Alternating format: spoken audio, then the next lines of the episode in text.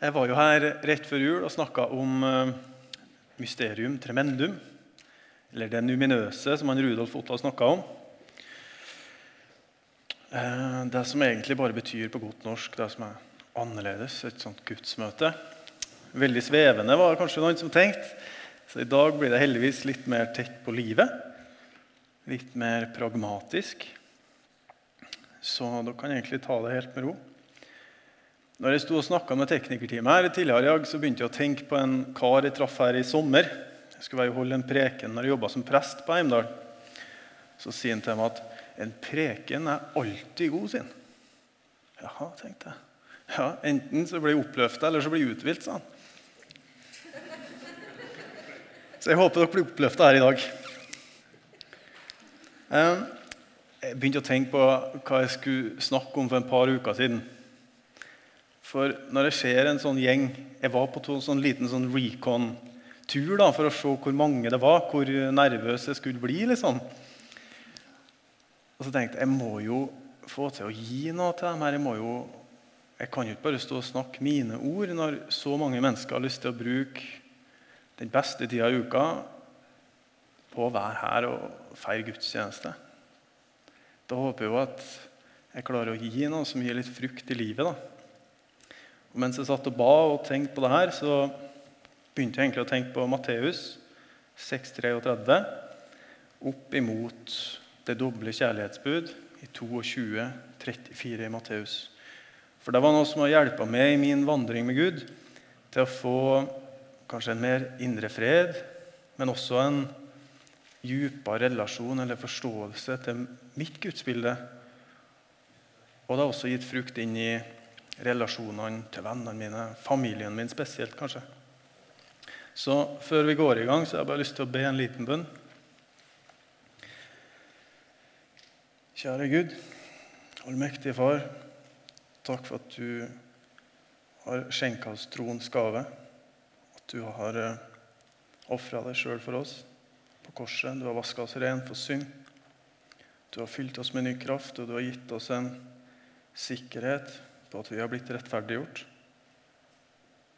i troen på dine handlinger og ikke våre gjerninger. At du har gjort oss fri ifra det der jaget i oss sjøl. Jeg ber om at du nå fyller meg opp med din ånd, at du lar dine ord bli mine ord, sånn at jeg ikke står her alene og bare prater ut mine tanker, men at du bærer dem fram, og at det blir til oppbyggelse og inspirasjon til å gå tettere med det. I Jesu navn. Amen. Jeg tenker å begynne å lese fra 6,25 i Matteus. Nå har Jesus, Vi begynner å bevege oss inn i slutten i bergpreken. her. Jesus har fortalt om bønn, det å elske sine fiender, og faste, det å ha et helt hjerte, men også skatter i himmelen.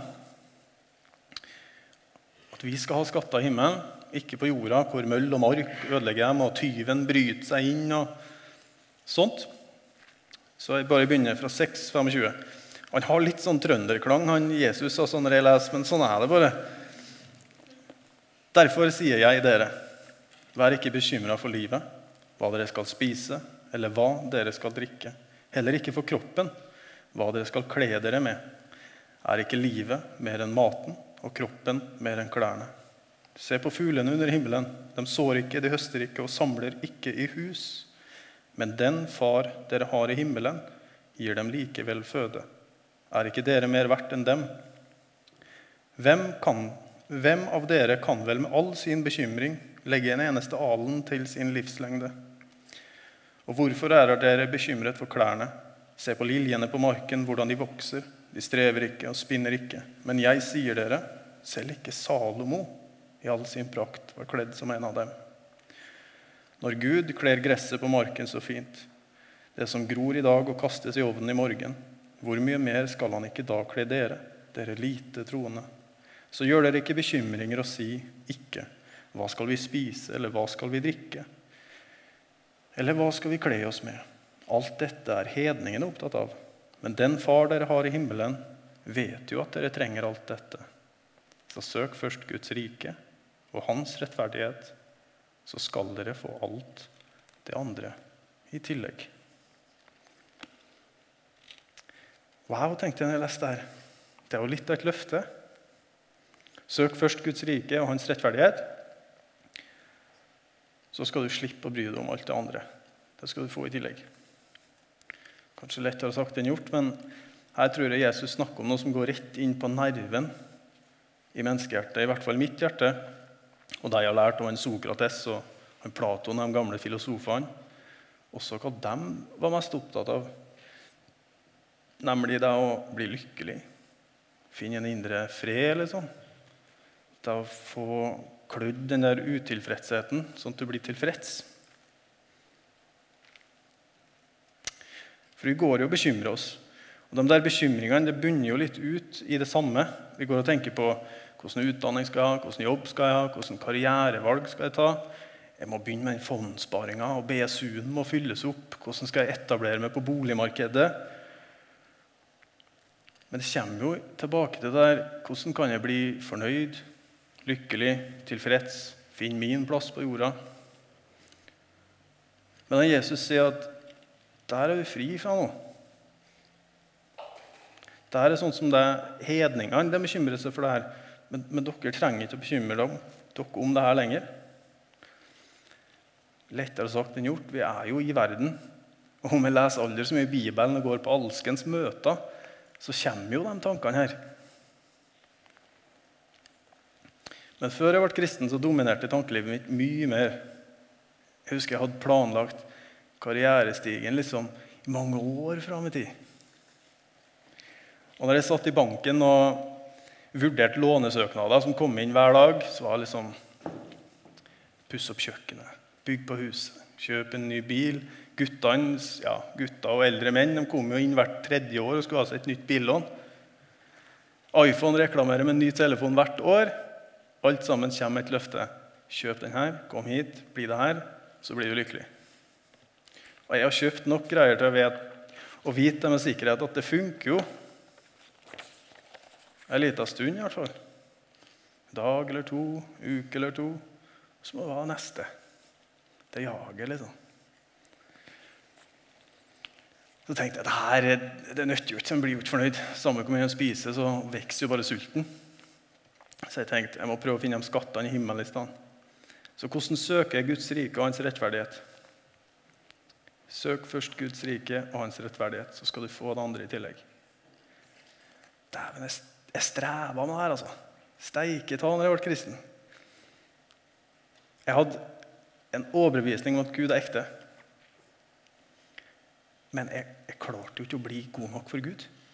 Jeg prøvde alt jeg kunne for å rettferdiggjøre meg sjøl. Jeg leste hellige skrifter til øynene seig sammen. Jeg mediterte, fasta, ba til jeg var 67 kilo med skinn og bein. Det er ikke et fint syn altså, når du er så liten og tynn. sånn der til ingen nytte. Jo klarere idealet ble, jo strengere ble dommeren. Jo tydeligere så Gud, jo lenger unna så jeg at det var. Helt fåfengt å prøve å klatre opp til Gud. Jeg skjønte ikke hvordan jeg skulle få det til. Så kom jeg over han Paulus da, i Romerne. Han sier, I Romerne 7 så skriver han før levde de uten loven, men da budet kom, fikk synden liv, og jeg døde. Det budet som skulle gi med liv, viste seg å føre til død. For synden brukte budet til å bedra og drepe meg. Loven er altså hellig. Budet er hellig, rett og godt. Men er da det som er, blitt, er godt, blitt til død for meg? Slett ikke. Det var synden som brukte det gode til å føre meg i døden. Slik skulle det bli klart hvordan synden er. Gjennom budet skulle synden vise seg å være over alle grenser syndig.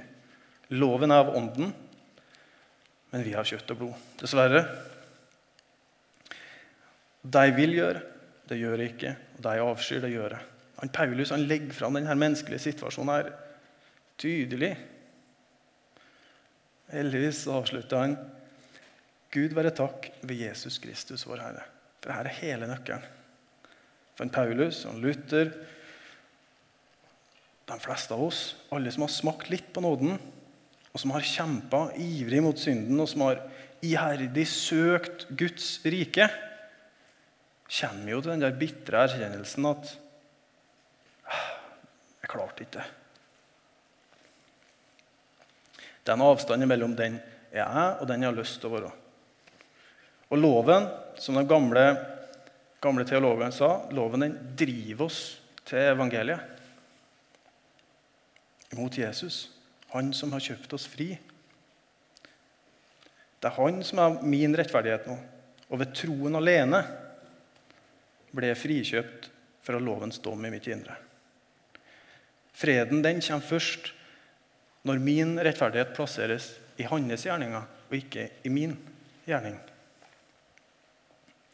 For så høyt har Gud elska verden at han ga sin sønn, den enbårne, for at hver den som tror på han, ikke skal gå fortapt, men av evig liv. Gud sendte ikke sin sønn til verden for å dømme verden, men for at verden skulle bli frelst ved han. Så her, her kommer det. vet du. Den som tror på han, blir ikke dømt. Men den som ikke tror, er allerede dømt fordi han ikke har trodd på Guds enbårne sønns navn. Så nå har jeg blitt frelst. Hele livet mitt la jeg i Jesu hånd. Når du har levd i 27 år uten Kristus og du begynte å jobbe på nattklubb når du var 15 år, så var det ganske mye å legge over til Jesus. Men eh, jeg fikk noe lagt over alt. da. Og han vaska meg ren, og han eh, rensa meg i lammets blod. Og så kom jo den store utfordringa, for det er jo så masse bud. Det er så mye å forholde seg til. Så tenkte jeg, Hvordan bud er det største budet her nå? Hvordan skal jeg få til det her kristne gangen her? Og Da kom jeg over den Matteus 22, 34-40. Jeg elsker den teksten her, og jeg ser det for meg inni meg liksom, hvordan den utspiller seg. Da fariseerne hadde, hadde hørt at han Jesus hadde stoppa munnen på sadukerne, kom de sammen. Og en av dem er lovkyndig. Ikke sant? En prominent figur. Kanskje han hadde den største hatten og fineste skjerfet. En liten årslønn på den kappa si. Full av stolthet og spottende ord. Så sier han, 'Mester'. Hvilke bud er det største i loven? Jesus på den andre sida, med all verdens trygghet og autoritet, sånn en trygghet du har bare når du vet at du har sannheten her. Du skal elske Herren din Gud av hele ditt hjerte og av hele din sjel og av all din forstand. Dette er det største og det første budet. Men det andre er like stort. Du skal elske de neste som deg selv. Og på disse to budene hviler hele loven og profetene. Ok. Elsk Gud, ja. ja. Jeg var jo nyfrelst, og det var jo ganske enkelt på den tida der. Men å elske min neste òg, det er litt vanskeligere. For hva betyr det egentlig å elske din neste? Jesus sier jo du skal elske hverandre, du skal elske din neste, og du skal elske fiendene dine. Ok, jeg elsker jo is, jeg elsker å stå på ski. Jeg elsker det, har jeg sagt. Jeg har hatt kjæreste. Og så når jeg ringer til mamma, så ser jeg bare glad i det. Men det har jo mye mer vært for meg enn skiturer og is. Så det her må jeg finne ut av. Det her måtte jeg finne ut av. Så jeg fant en bok av C.S. Lewis. Fenomenal type. 'De fire kjærlighetene' het den, tror jeg. Og så dykka inn i grunnspråket gresk her nå. Jeg ser han Rikard der, og så han må bare arrestere meg etterpå nå hvis jeg bomma litt her på gresken min. Så begynte jeg å, undersøke det her, og jeg fikk en ny forståelse av ordet. Og jeg prøvde å sette ut i liv. Og så husker jeg at jeg var på golfbanen på Oppdal. Ganske bra golfbane. Den er åpen en, en, måned i året, for det er jo snø der resten. Så vi var bortafor elva. liksom. Vi har gått over broa, så har vi elva på ei hånd. Og så åpnes det hull fem liksom der. Kjempefint. Så går jeg med han kompisen min, han Tadeus. Artig type. Vi ble kjent i femteklassen. Så mens vi går nedover der, da, så slenger han liksom kølla over skuldra. Og så sier han til meg at Tore sin, jeg har gått på toppidrett i alpint. Jeg hadde 200 reisedøgn i året med guttene i fire år. Jeg har hatt gode kompiser i hele livet. Men du har blitt som en bror for meg. Wow, her er noe som har skjedd. Det som har skjedd, er at Jesus har kommet inn i den relasjonen her. Og Derfor tenkte jeg å dele kort noe av det jeg lærte med dere her i dag. Jeg skal ikke losse hele boka. Men en liten smakebit på hva skribentene la i, i verbet 'å elske'. Da. Så kanskje du òg får en måte å få mer ut av relasjonene du har, eller få en, komme nærmere hverandre. Den første den er jo enkel. og Eros. Den der Amor, den lille rakkeren med pil og bue der. Treffer han det bare lite grann, stuper rett om, hodestups forelska. Kjempe, kjempeturist. Eller tøft. Um, den har gitt sikkert skrevet tusenvis av sanger over like mange år. Skrevet bøker på alle språk. De fleste kjenner den. Når tunga går i krøll, og du har en hel hær av sommerfugler i magen som plager deg.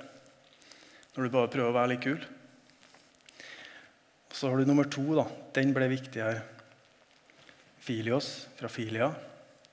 Etymologien, eller historien til ordet, sier at eh, det har blitt brukt helt tilbake til den eldste litteraturen på gresk.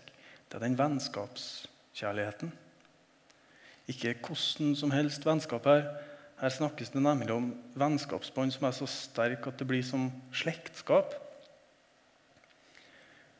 Og Den kjærligheten den kjennetegnes av et lyttende øre, hjertefølt omtanke. Men det står og det faller på tilliten. En skal sette sin ære som menneske i å være hverandre sine konfidanter. Sånn som du har til advokaten din, bare at det er gratis. En venn som en virkelig kan stole på. En som er der og støtter når livet stormer som verst. Og Når han har det i mente, da, så smir han jo nye lenker på vennskapet ved hvert møte. Til slutt så blir det jo som et slektskap. Så Jeg leste her i boka og tenkte jeg, ja, det tror jeg skal prøve meg på det her. altså. Det høres jo bra ut. Så jeg satt det ut i liv. da. Så prøvde jeg å leve etter det en stund, og så kommer det en dag, og så ringer fetteren min. da. Han, fetteren min skulle dere møtt en enestående type. Han er så høy, så bred. Du ser da at han har gått på gymmen. Liksom. Han har ikke skippa noen mange legdays der altså, de siste ti årene. Så er han en sånn type Du kjenner den typen når du kommer i rommet. Sånn lett på latteren, glimt i øyet. liksom sånn, ja, 'Det der er godkar.' Kjenner han. Skikkelig bamsa en fyr, da. Men han har ikke alltid vært sånn. For når han gikk på barneskolen, så ble han erta. Han ble mobba egentlig ganske stygt. For han var ganske tjukk. da. Tante sa at han hadde bare kraftig beinbygning, men det var, det var mer enn bein der, altså. det har det, dessverre. Og Barn de kan jo være grusomme. Det, det er ikke meninga å le her nå. Men broren min var ganske tjukk, så vi heter jo Vorhaug. Så de kalte han bare for Martins Vorhaug. Da. Det var litt morsomt. Men sånn er det. Men eh, stakkars han fetteren min, han, det gikk jo dypt inn på han. Men han, han tok det jo lett. da. Han sier til meg at nei, det var ikke noe problem. Ehm, jeg begynte å trene litt, og så fikk jeg sjøltillit. Og så likte jentene meg, og så kjøpte de kule klær. Og så begynte jeg på ungdomsskolen, og så er det bare bing, bare bong, liksom. Men jeg kjenner ham jo såpass godt at jeg vet at det er mer bak ordene. Så når han var ferdig som grensejeger i førstegangstjenesten, så hadde han et friår, to friår. Vi sto mye på snowboard på den tida der. Så sier han til meg at jeg tror jeg skal bli sånn militærmann. jeg tror jeg. Sånn uh, ut og krige, liksom. Så jeg tenkte ja, ok. Um, og jeg tenkte jo da at kanskje det er hans måte å vise at han er liksom, er noe til kar på. Liksom, at han er dugende, at han er kul og tøff. For han får jo en sånn usikkerhet når han blir mobba. sant? Så jeg tenkte ja, ja. Så han søker på sånn FOS, FOS, Forsvarets opptak og seleksjon, der det er ca. 1000 mann, 1200 mann som skal kjempe om en 200-300 plasser. Smærer nå i vei, kommer tilbake noen uker senere. Ding, billetten er klar. Så tenkte jeg at det er jo ganske drastisk å bli sånn militærmann. Jeg har ikke lyst til, Han kan jo dø, liksom. Så jeg begynner å spørre han da. Hva er det som gjør at du har lyst til å bli militær? Hvordan tror du folk ser på deg når du er militær? Hvordan tror du det føles liksom, i hverdagen når du holder på med det der? Så Han kommer jo bare med sånne kjekke svar til meg. Og så tenkte jeg ja, ja, jeg har nå prøvd i hvert fall. Ja, og så tilbake til den telefonsamtalen. Han ringer til meg. Så, ja, Allah Johan, står til, liksom. Så sier han ja, du Tore, jeg må si det til han. Jeg tror jeg gir bare BIP liksom i hele Forsvaret. Jeg har søkt meg inn på sykepleierskolen i stedet. Jeg har lyst til å bruke livet mitt på hjelp. folk. Det skjer noen ting når du lytter til folk og bare stiller de åpne spørsmålene. I dag så jobber han som psykiatrisk sykepleier for rusmisbrukere i Trondheim. Og veldig fornøyd med hverdagen sin. Sjøl om han ikke syns det er like macho som å være soldater. Så tilbake til kjærlighetene. Da har det kommet den tredje her nå, som jeg leste om. Du vet når Amor treffer deg med pila, du blir forelska, du får den kjemien med et annet menneske, det blir søt musikk, og dere bruker all tida på hverandre, så skaper den jo ganske sterke vennskapsbånd også etter hvert. Og da når én pluss én blir jo fort tre da, i en sånn situasjon, og da kommer jo den der foreldrekjærligheten inn i bildet her. Den der beskyttende kjærligheten. Kanskje best eksemplifisert med en mor som sitter over sykehussenga dag etter dag, uke etter uke. Hvor får hun energien fra? Hun setter til side sine behov og sine ønsker for å skjerme og beskytte den man er glad i. Og det trenger jo ikke å være en mor overfor sitt barn. Jeg husker når jeg var i førstegangstjenesten, det året der, så ble bestefaren min han ble ramma av kreft. Han var en ung mann, egentlig. Sterk, sterk mann. Han har nettopp gått av med pensjon, som han har gleda seg til i lang tid. Men på et års tid da, så fikk han så bank av den kreften at han eh, han ble egentlig bare et skall av en mann. På den tida der så hadde jeg en kjæreste som bodde i Trondheim. liksom bare to minutter å gå utafor sykehuset. Så jeg, hver gang jeg hadde permisjon, så for jeg rett til henne. Så var jeg besøkt han hver dag. Så jeg så jo hvordan ståa var. liksom. Du får gode nyheter, og så tenker du at ja, det går bra. Og så går det ned noen uker, så dårlige prøver, så en ny runde med cellegift. Det er en ganske tøff prosess. da. Men eh, siden eh, det var jo bare jeg som hadde tid til å besøke han så mye For de jobba jo resten av familien. Så det året i Forsvaret gikk, og så var det sommer rett før jeg skulle flytte for å studere. Så vi tenkte vi må få til en sånn avslutningsfest her nå, liksom, ha det bra-fest her nå før jeg flytter. da. Så vi inviterer besteforeldrene hjem til mine foreldre. Og så sitter vi der og, og snakker. Og sånn som bestemor husker jeg, og mutter'n og lillebroren min de hadde sånn håp. liksom. De hadde så tru på at ja, det her går bra. Husker Vi satt der på selskapet og spiste vafler og drakk kaffe. og ja, Når du kommer tilbake til jula, nå, sier jo mamma, så har jo dere tida til å bygge den badstua i kjelleren på hytta. ikke sant? Kanskje vi kan pusse opp litt, lage et nytt bad opp der.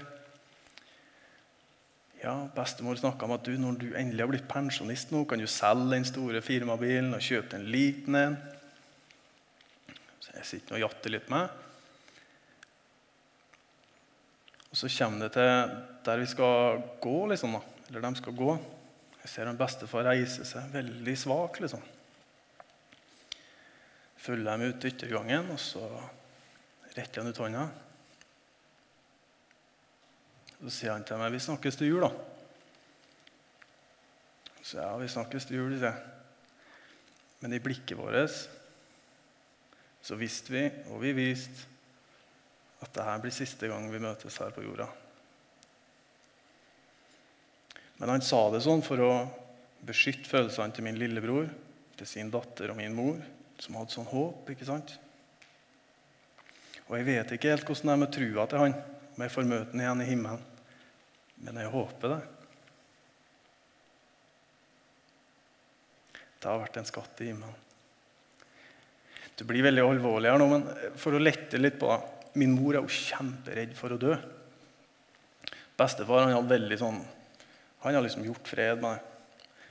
Så min onkel fortalte meg her bare for et par år siden at på siste tida på sykehuset der, liksom, så spør jo mamma liksom, Ser du Jesus nå, pappa? sier hun. Så den beste var han ser på, han var en praktisk mann. altså Han ser på, så sier han bare Nei, jeg ser i taket sin. ja. Siste kjærligheten, men ikke minst agape.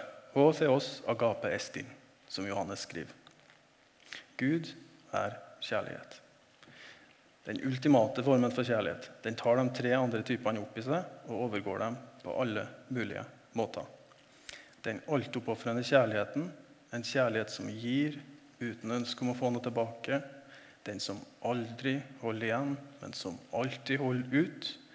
Den som ofra det aller kjæreste for det og meg. Når du tenker på det, så er det kanskje derfor ekteskapet er ansett som hellig òg. Det er jo bare der de fire kjærlighetene får utspille seg i et menneskes liv. Så tenkte jeg å avslutte med Ingen kan jo være helt sikker på bredden eller dybden av hva Jesus legger i uttrykket 'skatter i himmelen'. Men jeg er sikker på at en av skattene der, det er de vennskapene som vi fikk starta på jorda. De som vi har latt oss sjøl bli glad i, og som vi lar være glad i oss. At vi kan få lov til å være trygge på at de fortsetter i himmelen. Der skal vi se hverandre som vi er, uten den der frykten for at døden nå kommer og skal rive oss fra hverandre igjen. Takket være Jesus, ikke våre gjerninger.